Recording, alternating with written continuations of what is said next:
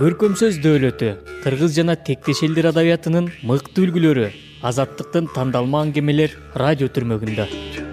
Ар шейшемби азаттык үн алгысынын кечки эфиринен шаршемби таңкы уктуруубуздан тандалма аңгемелер радио түрмөгүн угуңуз. Ошондой эле түрмөктүн баардык чыгарылыштарын тандалма аңгемелер подкастынан уга аласыз француз жазуучусу ги де мопассан кыска чыгармачылык өмүрүндө жыйырмадан ашуун аңгемелер жыйнагын жарыялаган. Бир нече романдардын автору. Тандалма аңгемелер подкастында автордун шуру деген аңгемесине токтолобуз.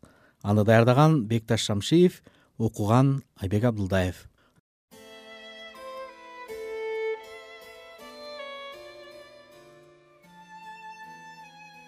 шуру аңгемеси бир миң сегиз жүз сексен төртүнчү жылы жазылган мупассандын чыгармачылыгы европа адабиятында көлөмдүү романдардын заманы өтүп окурман журту кыска аңгемелерге окуясы кызыктуу чакан баяндарга кызыга баштаган кезге туш келген. Жалаң эле аңгеме новелла повесть жазуунун кыныгын албай таланттуу сүрөткер алты роман жараткан.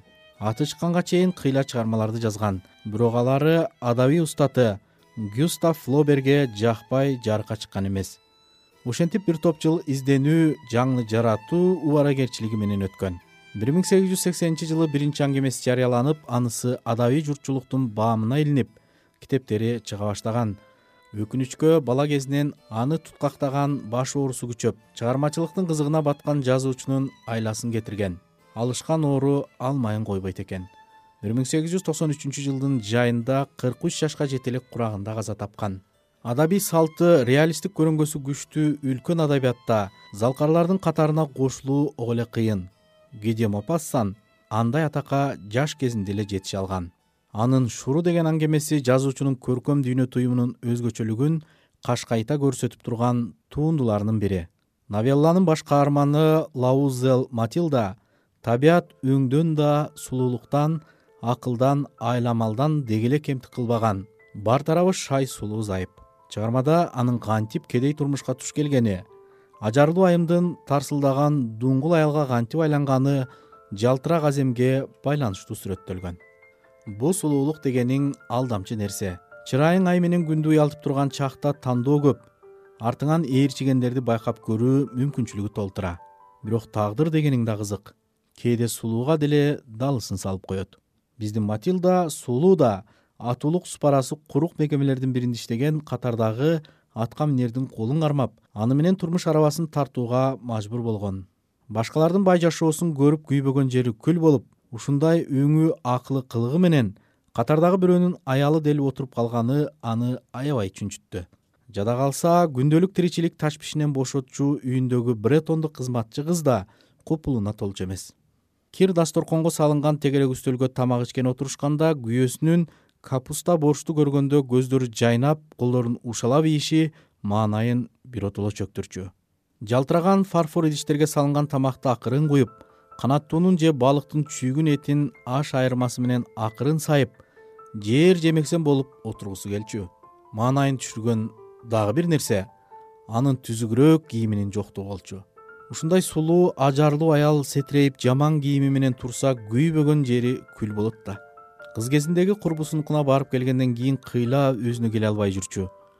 Ошондой кабагы салыңкы жүргөн күндөрдүн биринде күйөөсү министр менен аялынын салтанаттуу кечесине чакырууну колуна карматып жатпайбы? Мунун мага эмне кереги бар? Айтчы. Кандайча? Сени буга аябай ыраазы болот дегем жаным. Сен эч жерде деле болбодуң. А бул деген эң сонун учур эң сонун. Бул чакыруу катын мен араң дегенде албадымбы тим эле баары ал жакта болгулары келет десең а майда барат адамдарга ким эле чакыруу бергиси келсин? Сен ал жактан жалаң аттуу баштууларды көрөсүң. Ал күйөөсүнө ушунчалык ачуулуу карап туруп мага ал жакта суутуп коюптурбу кийип барганга түзүк эчтекем жок деди үнү калтырап. Анын башына бул ой келген эмес экен. Тиги көйнөкчү тиги. Жанагы сен театрга кийип барчу. Ошол көйнөк эң жакшысы менимче деп күңк этти ошол замат аялынын бушактап ыйлаганын көрүп эмне дешин билбей күйүтүн ичине басып унчукпай олтуруп калды. Аялынын жаагынан ылдый оозунун чекесин көздөй эки чоң тамчы көз жаш ылдый суюлуп агып жаткан экен. Күйөөсү мукактанып сага эмне болду? Эмне болуп кетти? деп сурады. Аялы өз кайратын жыйып ызасын ичине басып жашка жуулган жаактарын арчый эчтеке болгону менде түзүк көйнөгүм да жок ошого бара албайм бул чакыруу катыңды ошол аялы түзүгүрөөк кийинген сени менен кошо иштеген бирөөлөргө бер деди жайбаракат үн менен. Эркек журтунда баам парасат деген өзү азыраак болот. Театрга кийилген көйнөк менен салтанаттуу кечеге ким барсын? Ал жерде кымбат жаңы кийимдердин көргөзмөсү өткөнү жатса күйөөсүнө эми жетти окшойт. Жакшы көйнөк канча тураарын сурай баштады. Көздөрү каканактап ыйлаганы калган аялынан кечеге кийип барчу жакшы көйнөк төрт жүз франк экенин билди. Тигинин мылтык сатып алам деген акчасы бар эле. Көйнөктүн жарасы жеңил экен тез эле чечилди. Аны менен татаал маселе тамам болсо жакшы го. Күйөөсү аялынын эмнеге кабагы салыңкы жүргөнүнө кызыкса байкушунун кечеге тагынаарга түзүгүрөөк шурусу жок экен. Ансыз кечеге барыштын кереги деле жок тура кысталыш учурда туура акылды күйөөсү тапты. Тайэжесинин шаан шөкөткө тагына турган асыл буюмдары толтура ошондон бирөөнү сурап алса эмнеге болбосун? Жакыт шуруну ошол жерден алган. Кубанычты айтпа. Ал кеч лаузел матилданыкы болду эркектердин баары эле аны тиктеп ушундай сулуу ажарлуу айымды мурда неге байкабай жүрүшкөнүнө таң калышып министр баш болуп улам бийге чакырып кубанычтан башы тегеренип биринчи ирет сулуулугуна мас болуп ыраазы эле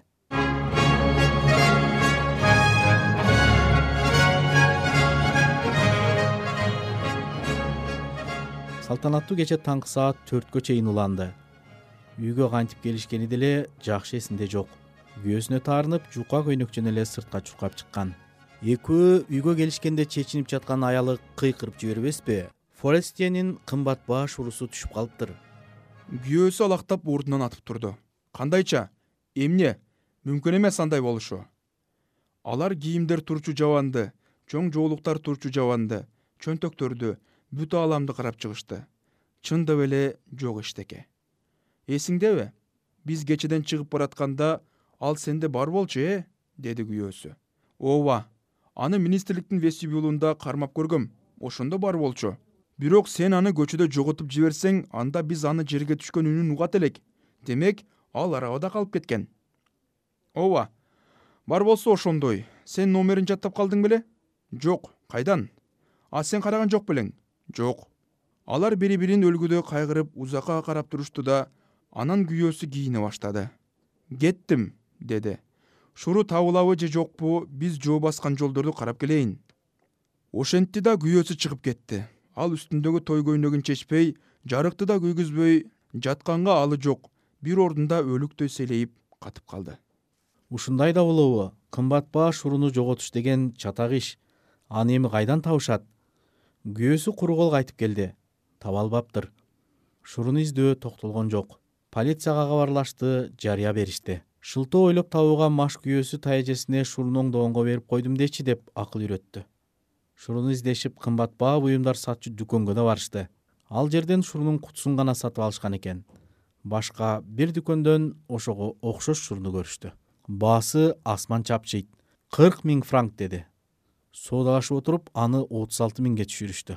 Алар дүкөндөн бул шуруну үч күн сатпай турушун суранып эгерде жоголгон шуру февралдын аягына чейин табылып калса анда бул шуруну артка отуз төрт миң франкка кайтарып алуу шартын коюшту. Күйөөсүндө атасынан мураска калган он сегиз миң франк акча бар эле. Калганын ал карызга алып турууну чечти ошентип тигинден миң франк мындан беш жүз андан жүз франк аркадан элүү франк сурап карызга алганга өттү үстүккө акча берген адам аттуунун баары менен таанышып түбүнө жете турган карыздарды өз мойнуна алып ишеним каттарды жазып берди. Ал келечекте бул балейден чыгып кетишине көзү жетпесе да алдыда болоор баардык азап тозокторго кайыл болуп олчойгон карыз акчаларга кол коюп өзүн өмүр бою кулчулукка түрттү. Ошентип отуз алты миң франкты топтогон соң жаңы шуруну алуу үчүн дүкөнгө барып бул суммадагы акчаны сатуучунун алдына сунду луазел айым шуруну форести айымга алып барып берген кезде ал кабагын чытып тыржыйган түрдө эмнеге мынча маал катып жүрдүң? Бул мага деле керек болуп калат да деп койду. Луазел айым ал кутучаны ачып карап жибереби деп ушунчалык коркто эле кудай жалгап тиги кутучанын ичин караган да жок. Эгер алмаштырып келгени билинип калса тиги эмне деп ойлоп эмне деп айтмак? Карыз акчаны төлөш үчүн батирге алган үйүнөн жогору чатыр тамга чыгышты анысын мансарт деп коюшат. Кызматчы кызды кетиришти. Байкуш сулуунун азабы ошондон кийин башталды. Идиш аякты жыйнап кийим кечекти жуушту үтүктөштү үйрөндү. Колуна баштык алып базарга барчу болду. Ар бир айда карыздын бир бөлүгүн төлөсө кийинкисин жаңыртып үчүнчүсүн коюп берип туруусун сурап турушу керек эле. Күйөөсү бир коммерсанттын чөнтөгүн байытып кечиндеси иштесе кээде түнү бою ар бир барагын беш тыйындан баалап алып кол жазмаларды жазып чыкчу мындай турмуш он жылга созулду. Он жылдан соң карыз толугу менен жабылды. Толугу менен. Ал тургай чөнтөктү кагып алчу өсүмдүн топтолгон проценттеринен бери. Мунун айынан луазель айым бир топ жашка картая түштү. Ал кембагал үй бүлөнүн аялдары кандай болсо ошондой болуп туурасы чыгып катуу корс болуп өзгөрдү. Ал ар тарапка чоюлуп калган юбкасын кийип шалпылдай басып кыйкырып сүйлөп кызарган колдору менен полду ысык суу менен өзү жууп калды күмүш аяктын сыры кетсе да сыны кетпейт болуп анын картая түшкөн жүзүндө качанкы бир кездеги сулуулуктун гана издери калды. Бирок кээде күйөөсү жумушта кезде терезеге олтуруп ошол кечти ошол кечени ага бакыт кушу колуна конгон ал ошондо ушунчалык сүймөнчүк болгон ошол кезди эстеп калаар эле. Ошентип айда жок сулуу айласыз турмушка көнүп жаш кездеги жашоосу жомоктой сезилип калган чакта элисей талаасынан форестье айымды көрүп калды. Байкуш тайэжеси тигини тааный албай бүшүркөп көргөн көзүнө ишенбей турду. Матилда шуру деп кандай азапты көрүшкөнүн айтып берсе боорукер тайэжеси ал жасалма шуру болчу. Баасы ашып барса беш жүз франктык деп жатпайбы